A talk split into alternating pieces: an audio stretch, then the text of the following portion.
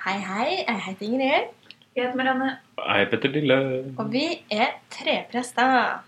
Og i dag så spiller vi inn på Menighetsfakultetet i studioet til Bibel og Bobel, som er en podkast som du kan lytte på der du hører på podkast. Så sjekk det ut. En liten shout-out til deg. Shout-out. Veien til Vigsla tjeneste, VTVT. Vi har fått høre Mariannes historie. Dere har fått hørt min historie eh, om veien til å bli prest. Og i dag, Petter, så skal du få fortelle din historie. Um, du har blitt prest, men det har jo vært en vei fram dit som ikke er lik min vei, og ikke lik Mariannes vei. Um, hvor, hvor vil du starte?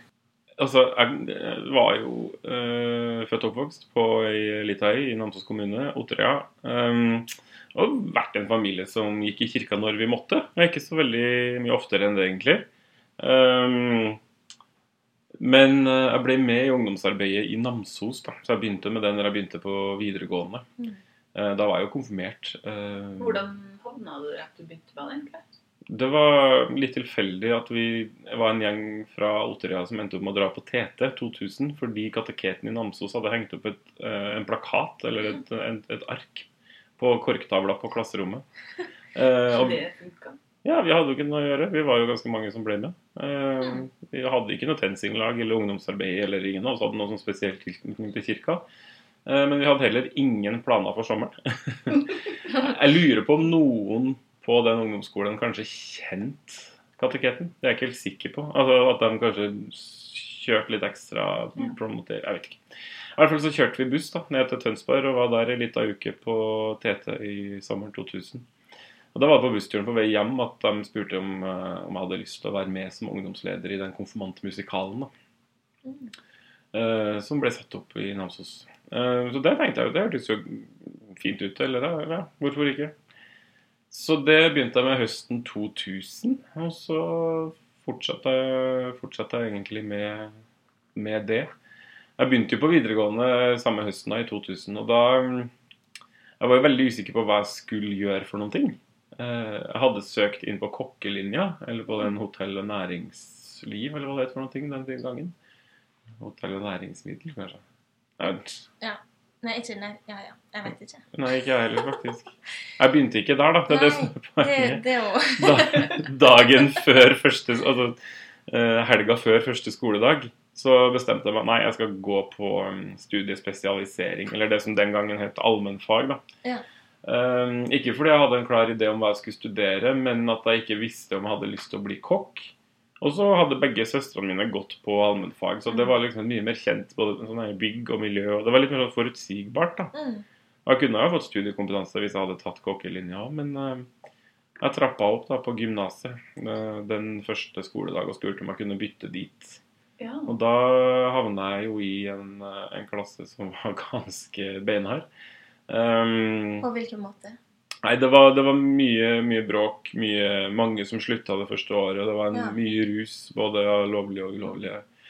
Uh, ja. Så jeg, jeg fant meg ikke helt til rette. Jeg kjente ikke så veldig mange i utgangspunktet. Men uh, fant meg for så vidt litt sånn sosialt sett uh, til rette. Altså, ja. Hadde liksom noen nære venner både der og, og ellers i byen.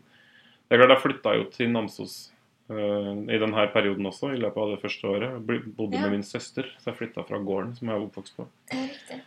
Kan jeg bare spørre, uh, før du fortsetter, hvor langt er det uh, Altså, jeg er ikke så god på den lokale eh, geografi der oppe. Nei, det, det er jo bare to mil fra, fra gården til, til sentrum. Ja. Men det vil jo si at det er nesten en time med buss hver vei fordi bussen kjører veldig mange omveier og sånne Ja. ting. Det er litt det samme som med meg og Ålesund. på en måte. Ja, ikke sant? Mm. Så det, jeg måtte ha tatt bussen fem-ti over sju om morgenen, Mm. og ikke vært hjemme før nærmere fem. Ja. Så um, det ble for så vidt en god løsning.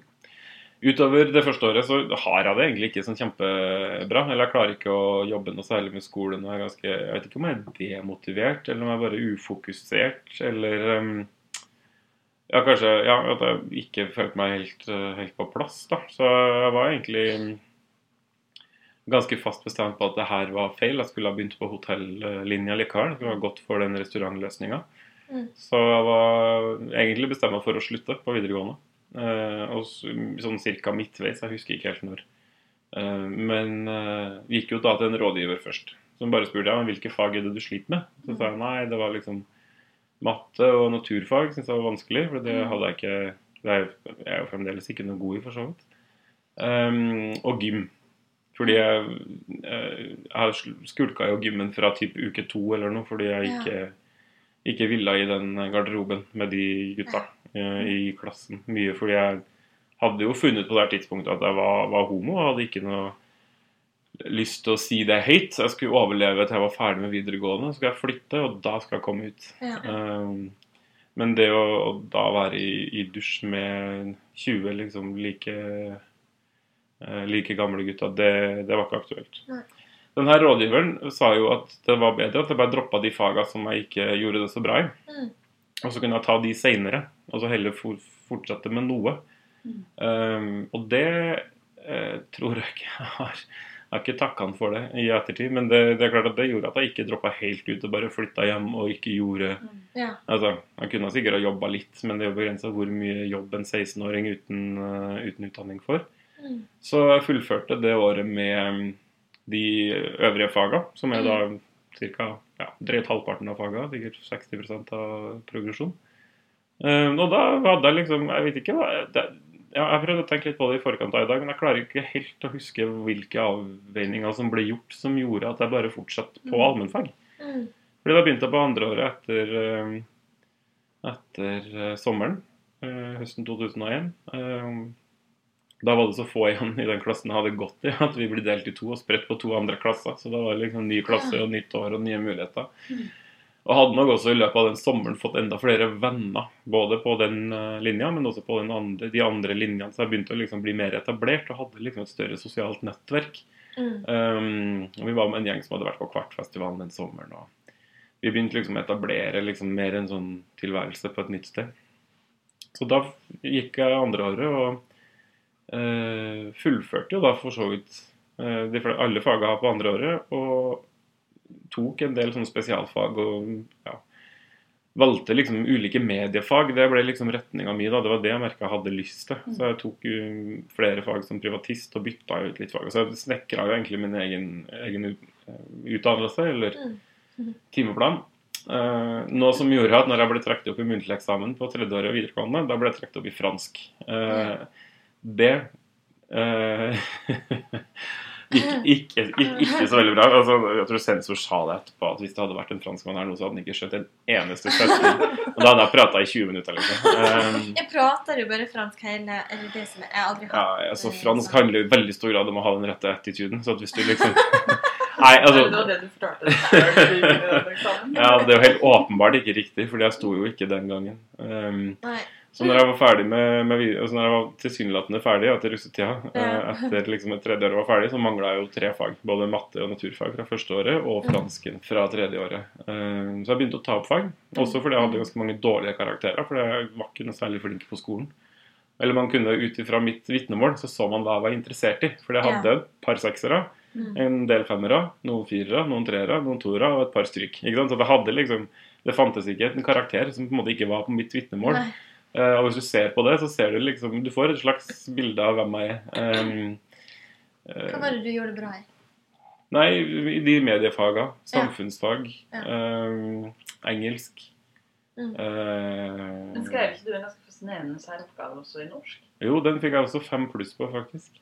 Hva skrev du Jeg skrev om um, en, altså jeg skrev egentlig om Orderud-saken. Jeg skrev om mediedekninga av Orderud-saken og hvor mye makt som en journalist har ved sin skriftlige fremstilling av et menneske. Mm. Um, med da Kristin Kirkemo som, uh, som case. Jeg brukte tre ulike um, artikler som jeg analyserte. Og, ja, så det var kjempespennende. Men når jeg da fikk gjøre ting jeg kunne, eller som jeg var interessert i, da kunne jeg jobbe med det hele tida. Og så ber folk meg om å lære meg fransk, så løfter jeg ikke en finger. Det, det, ja, jeg kjenner jo for så vidt igjen mye av meg sjøl fra senere i livet òg, selv om jeg har blitt, blitt flinkere til å på en måte ta meg i, i nakkeskinnet. Men det gjorde at um, når jeg var på tredje året, så drukna jeg Eller jeg drukna ikke, men jeg, jeg jobba sjukt mye med skole. eh, Det første, første semester av tredje år, um, altså høsten 2002. Uh, Da tok jeg en hel haug med studiepoeng og hadde noe privatisteksamen og litt forskjellige sånne ting. Mm. Um, Så når jeg kom på nyåret 2003, da merka jeg at noe Jeg kan faktisk ikke vente. Jeg må komme ut av skapet. Eh, Og um, gjorde det 20. januar. Det var et nyttårsforsett som jeg klarte å fylle i, oppfylle. Uh, allerede første måneden. Uh, og det er en lang historie som for så vidt uh, jeg ikke trenger å gjenta hele på. Men, men det som er viktig der, er at jeg var veldig innstilt på at nå kan jeg miste alle relasjonene jeg har. Mm. Jeg var forberedt på å miste familien min. Jeg visste det jo ikke. Jeg trodde det kanskje ikke heller, men du kan jo ikke vite. Mm. Fordi du har ljugd så lenge om hvem du egentlig er. Så hvordan kan de som egentlig er glad i deg, være glad i deg? Eh, hvis de ikke vet hvem du er. Uh, var litt tanken min nå. Så jeg var forberedt på å miste no, noe eller noen i familien eller vennene mine. Eh, Mm. og kirka var selvfølgelig også en del av det. Når jeg sier det nå, så høres det jo sjukt dramatisk ut, egentlig. Uh, og det, det var det jo for så vidt, men det var også veldig sånn Jeg skjønte at det her, nå legger jeg alt i potten, og så Mm. vet jeg ikke hva jeg sitter igjen med etterpå. Det er jo dramatisk. Ja, det, Altså, jo, men det var også litt sånn der, det her er realiteten. Ja. Så jeg tror jeg hadde et mye mer fokus på det. At liksom, jeg får ikke gjort noe med det, at det er sånn. Ja. Eh, Det er de premissene jeg er gitt for det livet jeg lever akkurat nå. Mm. Men hvilket forhold hadde du på det tidspunktet til kirka? Var det, du var med som ungdomsleder i konfirmantmusikalen? Ja, på tredje året. Mm. Men hvordan, eh, hvordan forklarte du på en måte din relasjon til kirka? Eller hvordan forsto du den? Eh, I den forstand sånn Var det hjemmet ditt? Var det et sted du eh, Det var en av de, det var en av de absolutt viktigste sosiale arenaene i mitt liv. Uh, og noe av det morsomste jeg drev med. fordi det også, altså, Vi var jo nesten aldri i kirka, som i kirkebygget. Nei. Vi var jo på ungdomsskolen, fordi det var de som hadde plass til alle konfirmantene. Så det er jo der vi øvde. Uh, Så det var jo på Namsos ungdomsskole, i et bygg som egentlig ligner mer på et eh, kretsfengsel enn på noe annet. Det var jo... Så når jeg egentlig snakker om relasjon til kirka, så er det jo de menneskene som både jobba der, og de andre frivillige. Og Men at, du forsto det som et kirkelig engasjement på det tidspunktet? Ja, det var, det var, ja, det var jo konfirmantmusikalen, liksom. Ja, det, det var jo Vi satte jo opp uh, historier fra Bibelen og men, uh, men det er veldig annerledes enn mitt forhold til kirka i dag, i aller høyeste grad. Men at det var et viktig sted, og at jeg eh, satte pris på å være der og hadde en sånn stor trygghet på det. Vi jobba jo med det her fra september til mai, Mm. Eh, så jeg gikk jo annenhver torsdag bort og var der noen timer. Ja. Eh, Så det var ikke noe sånn gjør det du får til på tre uker, så er du ferdig. Det her var, det var liksom pulsen. En av liksom uh, Ja. Det var en pulsslag i, i, gjennom hverdagen og gjennom, gjennom de åra. Så det å også da komme ut av skapet var å satse også når du var bride i kirkelig sammenheng. Det var masse annet du satsa også med familie Ja, ja. og- Jo, men altså, jeg var klar til å forlate kirka. Mm. Hvis ikke jeg kunne være homo der, så er det litt sånn OK, da får det stå sin prøve. Mm. Og den uka jeg kom ut, så sa jeg det jo til alle sammen i løpet av bare noen få dager, egentlig. Ja. Familien fikk vite det mandag, og de nærmeste vennene på tirsdag. Eh, og de, ja, presten og kateketen da, som var i Namsostad, de var jo gift, eh, og de fikk vite det på torsdag. Og resten fikk vite det i løpet av helga. Ja. Og jeg mista ingen. ikke sant? Det tenker jeg er en ganske viktig del. så det var Ja. Frykten for at det skulle skje, den var reell. Eh. Men ikke det faktiske eh, Utfallet av det. var ikke det. Eh, men det var kirka som var liksom først ute med en sånn 100 støtteerklæring. Ja. Fordi da sendte de meg tekstmelding den kvelden vi fikk vite at jeg hadde kommet ut. Så sa de du er tøff, vi heier på deg. Hvis du noensinne trenger noen å prate med, så er vi her. Mm. Og, det, og det, høres, det er jo kjempefint. Mm. Den tekstmeldinga fikk ikke så stor plass i livet mitt der og da. Fordi det jeg tenkte da, var OK, greit, da den er safe. Eller sånn, sånn jeg tenkte Mm. veldig sånn sektorisk omtrent i livet mitt. Og var sånn, Hva er det jeg mister her? Hva er det jeg mister? Og så kunne jeg liksom dag for dag kunne jeg liksom huke av Nei, shit, det her gikk jo faktisk eller her sånn. er jeg fortsatt. Ja, men det var kirka som var først ute. Mm. Uh, og når jeg hører det i dag, så tenker jeg jo at det er jo egentlig sjukt fint. Mm. Men den gang så var jeg litt sånn OK, da trenger jeg ikke å slutte med det. Da må jeg ha fokus på familie, eller nå må jeg, gå, liksom, nå må jeg ringe enda flere venner og høre hva de sier. Ikke sant? Så det var jo det, det, ja. Det er ganske beinhardt. ja, det er mye beinhardt. Men det er vanskeligere å snakke om det nå. Eh, nei, det er det ikke. Men, det, det, det er en annen emosjonalitet, kan man si. Altså, det er en annen type følelse. Altså, jeg synes det er nesten det er, det er vondt å snakke om det fremdeles. Selv om det er lettere, selvfølgelig.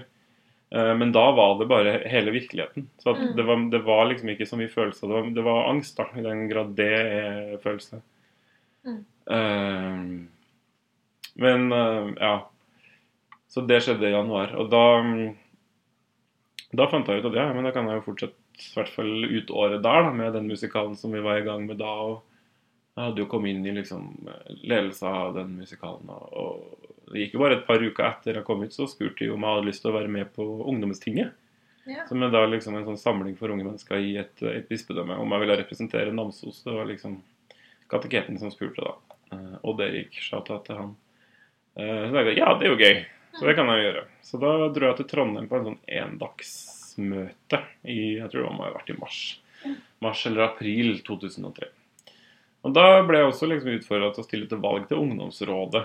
Og så er jeg litt sånn, ja, det vet jeg jo ikke hva jeg er, så det kan jeg jo sikkert gjøre. Eller er litt sånn, Litt sånn det er veldig, ja.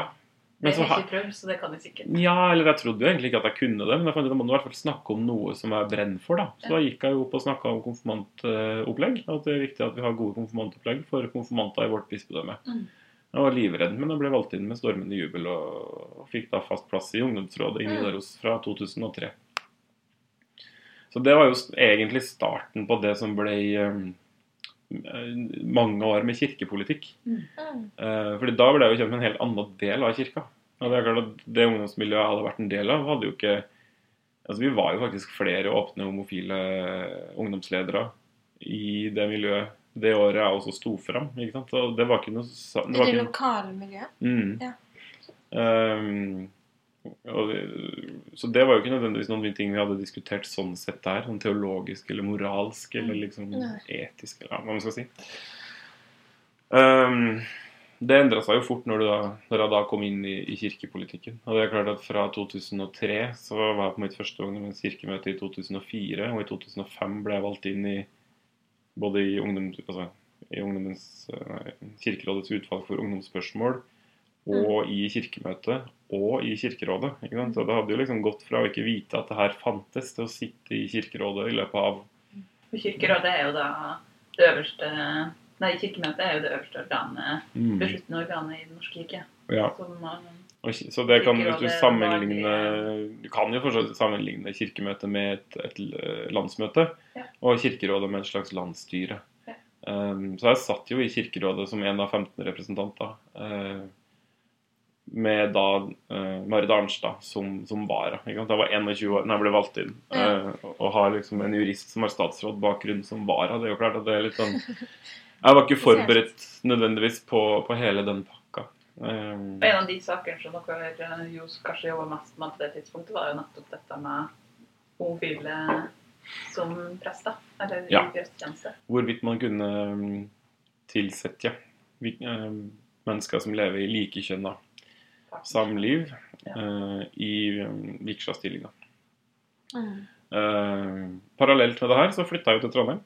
Begynte å ta opp fag. Uh, Forbedra en del karakterer. Uh, det som ikke gikk, var fransken. Så den uh, fikk jeg ikke da heller. Men matten fikk jeg sjekka, og, og naturfag, og fikk bedra en del karakterer. Når gjorde du ferdig gymmen? Nei, den, jeg begynte Jo, det glemte jeg å si. Andre året så begynte jeg bare å gå hjem og dusje. Fordi da hadde jeg jo flytta til Namsos, så jeg bodde så nært skolen at jeg kunne dusje hjemme. Og tredje året så bytta vi skole. Fordi da skulle, så da, men da hadde jeg jo kjørt opp, så jeg hadde bil stort sett. Så da kjørte jeg hjem og dusja. Mm. Eh, Så sånn løste jeg det. Og siden det da er fag på andre og tredje året, så trenger du ikke karakter fra første året. Så jeg slapp unna det året med gym. Ja, ikke. Så det var min historie på gym, gymfronten. Mhm. Åh, nei, men um, Så fransken sto der. Han glimra med sitt fravær. Jeg begynte å jobbe på Peppers Pizza og var kirkepolitisk aktiv i sikkert noe som tilsvarer en 30-40% stilling omtrent. Mm. Uh, og ble også etter hvert eh, eh, prosjektleder da, for den konfirmantmusikalen i Namsos mens jeg bodde i Trondheim. Eh, jeg hadde vært en kjapp tur nedom Oslo og prøvd å, å jobbe der. Ble årets ansatt på Burger King, Egertorget. Oh! Så du, du beholdt jo denne restaurantbransjen? Ja, ja, ja. Altså, jeg jobba i bar, restaurant og kafeer i 10-15 år til sammen, egentlig. Både før og under studiene. Men, eh, men det ble en kort, eh, kortvarig visitt til Oslo i 2004-2005, og så ville jeg tilbake til Ja, for så vidt både, både til, til Trøndelag, men også til ja, kirke, altså til ungdomsrådet og ungdomsting, og være med på det fortsatt. da. Mm. Eh, Men som du sa, Marianne, så, så er det klart at den perioden min i både Kirkemøtet og Kirkerådet handla i veldig stor grad om hvorvidt kan homofile være prest. da. Det er jo det, det eller andre Mm. Um, eh, Jeg kommer til å kalle den saken for det, selv om man vet at det handler om andre vigsla stillinger. og Det handler også om eh, andre enn de som er homofile, men de som er i likekjønna parforhold. Eh, noe som jeg har innsett at ikke sant, Jeg brukte faktisk flere år der på å hver gang jeg kom inn i et rom, så kunne jeg finne på å telle hvor mange her er det som er for at jeg skal bli prest, og hvor mange er det som er mot. Mm. Um, Fordi tanken ligger der om å bli prest. Nei, da var det mer en sånn teoretisk greie. fordi det handla ikke om at jeg fikk en hangup på å telle, men fordi jeg var jo med på den sida som ville ha en endring. Mm. Derfor så måtte vi vite hvem er, hvem er hvor. Så du hadde liksom en automatisk en sånn tenkning på hvem er for, hvem er mot, hvem vet vi ikke. Så det var ikke fordi jeg hadde så utrolig lyst til å bli prest. Jeg, hadde, jeg var jo ikke ferdig med videregående. Jeg jobba på Peppes. Jeg visste jo ikke hva jeg skulle med livet. Um, Det handler Mm. mer om saken og ikke om, eh, om, at, om ditt ønske om å bli prest.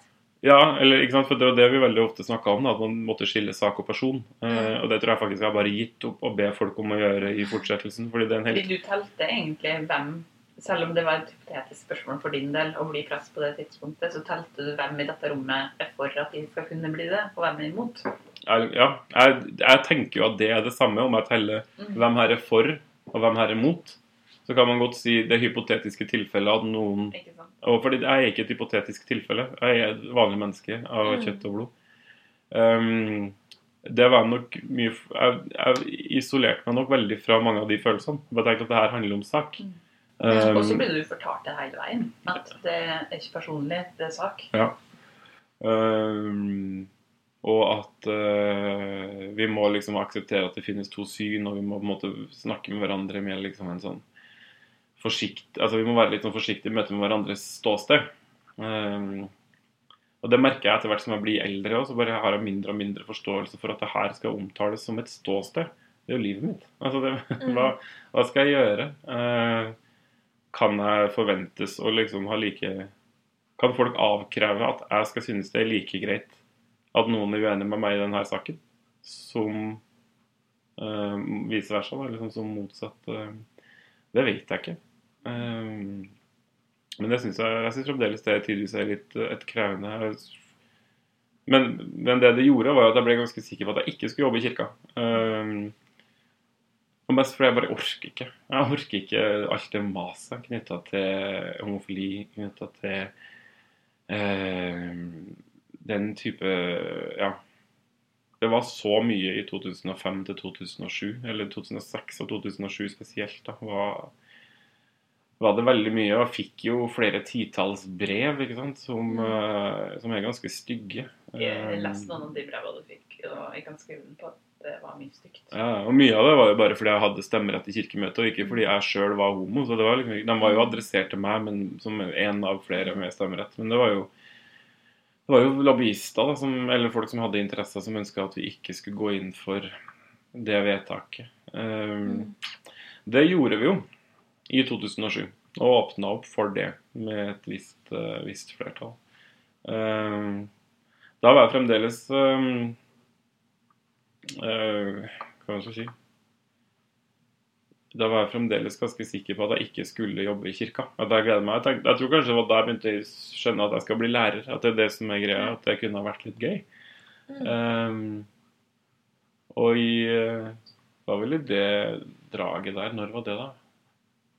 Eh, må ha vært i 2007 eller 2008. Så så fikk jeg jo selvfølgelig ikke gjort ferdig fransken. Den klarte jeg aldri å stå på. Men jeg fikk et tips fra en veileder at hvis du bytter til økonomilinja, så trenger du ikke fransk på tredje året. Og du har standpunktkarakter fra andre året, så det er godt nok. Så du trenger bare å ta en bedriftsøkonomieksamen, så er du i mål.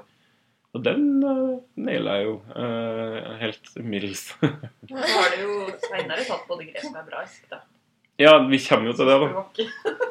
Men det er jo Ja. Eh, Det førte jo altså, så jeg var, Nei, det var i 2007. Altså, det var, da jeg var 23 år. Da ble jeg ferdig med videregående.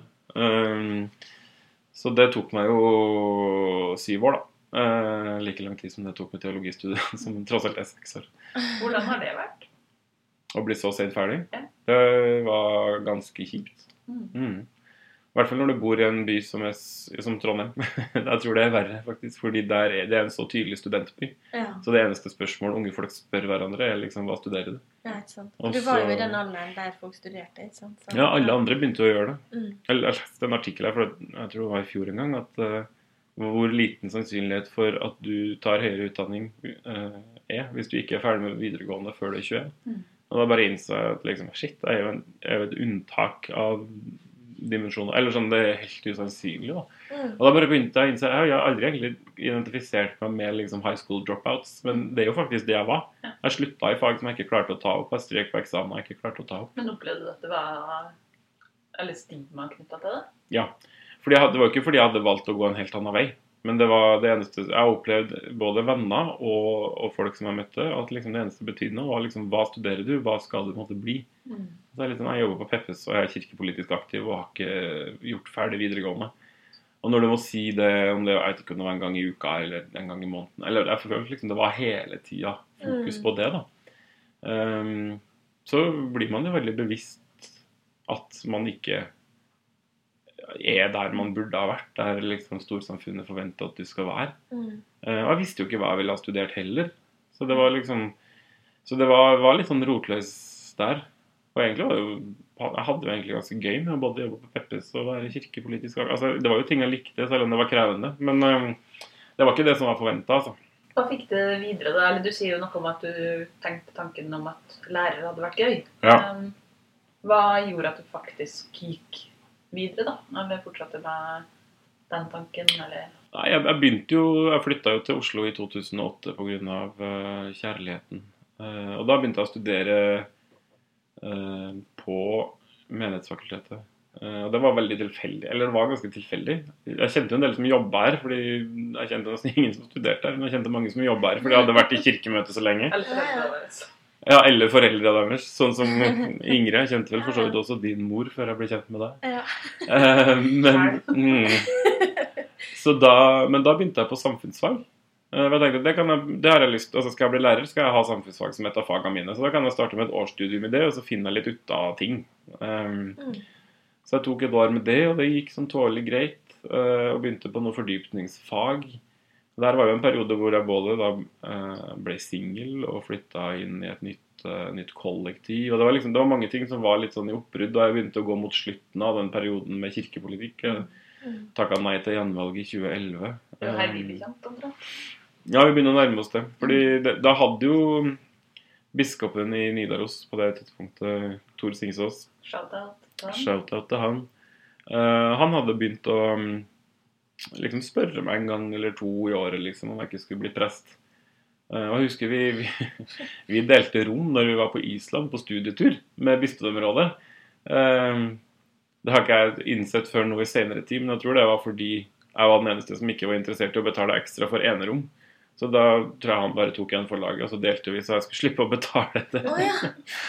Men det, det var jo egentlig ganske Når han var ganske fersk som biskop, så det må jo ha vært typ i 2008-2009-ish, tipper jeg. Mm. Og da mm, Men da fikk vi jo prata vanvittig mye sammen. Mm. Eh, og satt liksom og prata både om stort og smått. Og jeg begynte å sette litt mer ord på det her jeg syns har vært utfordrende med liksom å være skeiv inn i kirkepolitikken. Og, og han kom ikke med noen sånne bombardistiske løsninger, eller det kom ikke med bare altså, Men han ga meg et rom til å, å være meg sjøl i, som, eh, som gjør at vi for, for så vidt er venner den dag i dag, for så vidt, etter han eh, pensjonerte seg. Men Han har jo en evne til å skape rom ja, for uh, fortelling eller liv. men det er ikke alltid man får liksom en time med biskopen i, i døgnet, fordi man deler Nei. altså, Nei. Så det var, det var et eller annet som skjedde der som var veldig veldig bekreftende. Og da ikke sant, så Det gikk over noen år hvor han liksom bare Du, du skal ikke prøve teologi.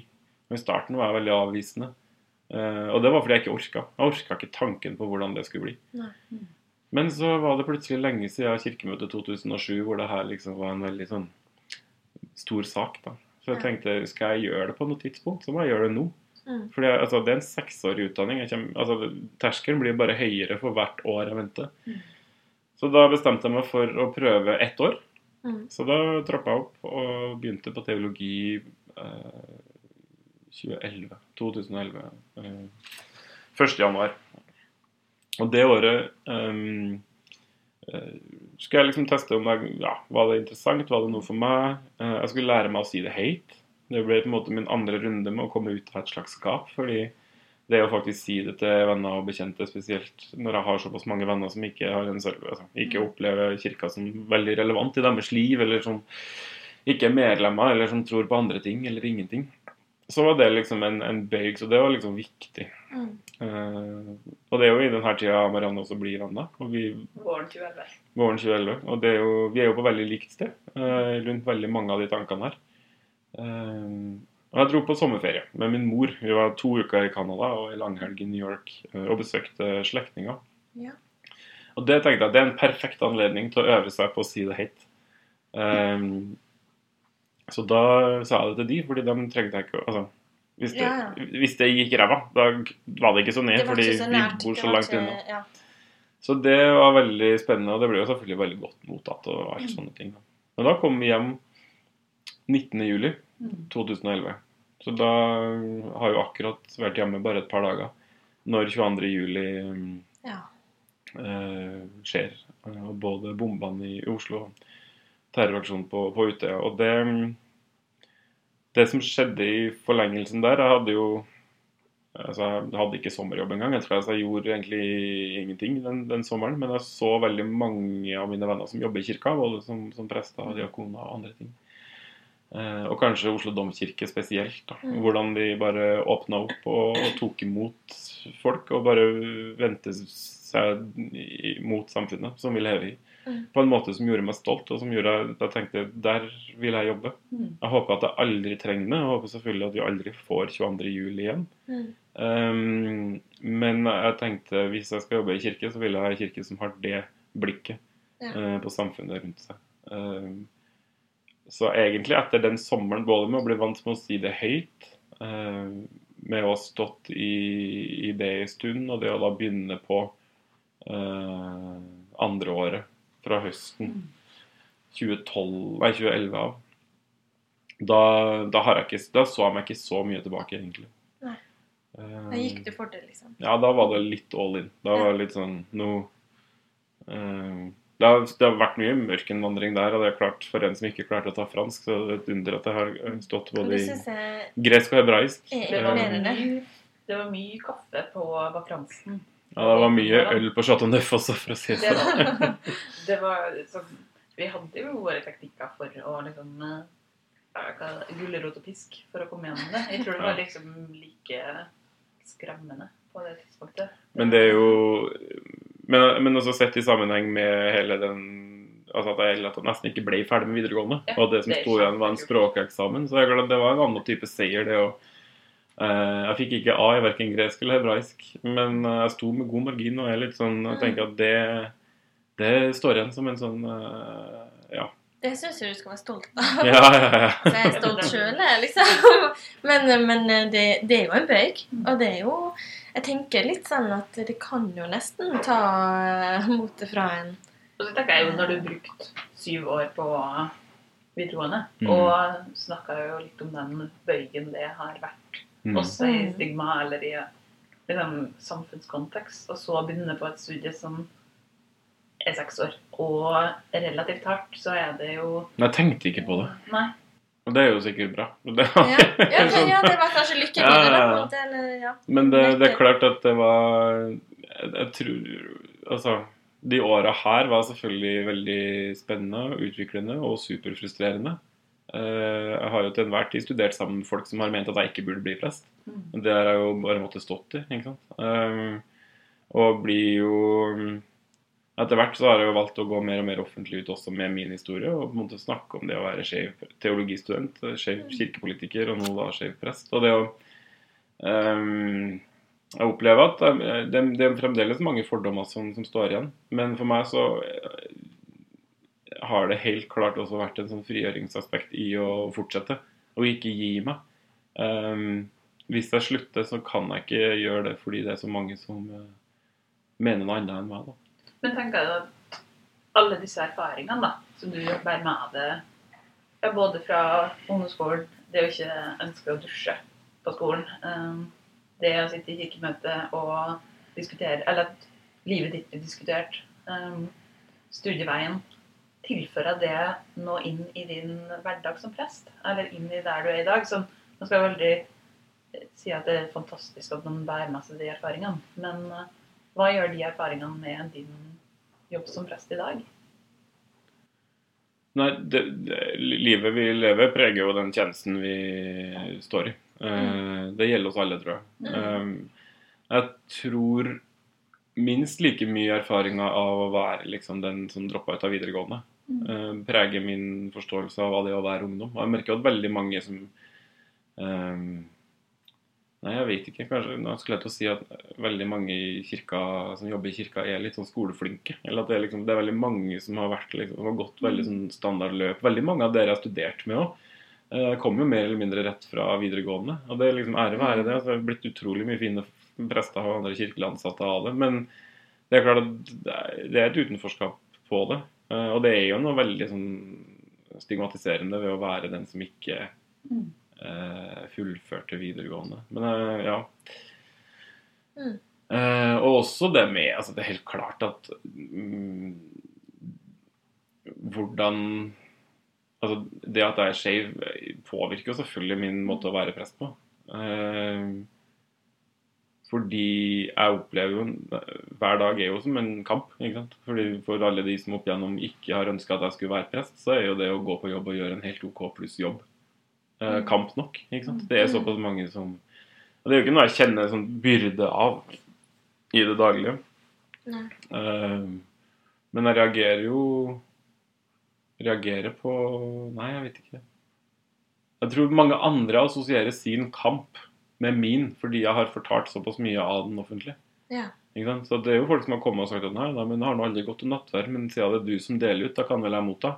Mm. Ja. Eller folk som har det mye vanskeligere enn meg med hvem de er, eller som kanskje tilhører litt mer konservative miljøer. Og folk fra om det er Frikirka eller andre liksom, kirkelige konfesjoner tar jo også kontakt fordi de ikke føler de har noen ledere der de er som de kan prate med. Mm. Um, så tror jeg mange speiler seg litt i at jeg ser jo ut til å ha klart meg. Og det har jeg jo for så vidt gjort. Men uh, uten at Altså, det er jo en veldig forenkling. Men, uh, men det jeg tror som ikke skal undervurderes, det er jo da selve vigslinga, altså ordinasjonen min. Mm. Eh, For jeg visste det. At en av, for det var også en av mine motivasjoner, kanskje en av de største motivasjonene til å bli prest. Utover det å få lov til å stå nært på mennesker og det å forkynne Guds ord, så var det det at så lenge Når jeg hadde blitt vigsla, så var det ingen som kunne stoppe meg for å gå til alteret Mm. og stå der. ikke sant? Da har jeg på en måte eh, Jeg kan vie. Jeg kan innstifte nattverd. Jeg kan døpe. Jeg kan ha gudstjenester. Um, så det å på en måte bryte bryte den barrieren uh, og få den ordinasjonen uh, handla ikke bare om at det var kronen på verket eller liksom cherry on top etter et langt studie. Mm. Uh, men det var litt sånn Nå er det ingen Det er som kan frata meg min posisjon. Eller det er ingen som kan si meg at jeg ikke kan noe. Og det tror jeg også åpner opp for, uh, for andre. Da. Mm. Det var bekreftelsen, på en måte. En endelig og en offisiell bekreftelse på, på at du kan og er prest. Og jeg er Det kalt til Ja. tjeneste. Det er jo Ordinasjon er en stor ting, og det hører vi jo at det er for deg også. Mm. Um, og det er veldig fint å høre din vei fram til å bli prest. Og jeg tror jeg kan se på vegne av meg og Marianne, så er vi veldig glad for at du er blitt prest. Og det er det mange andre som får nyte godt av framover. Eh, takk for at du fortalte din historie til oss i dag. Takk.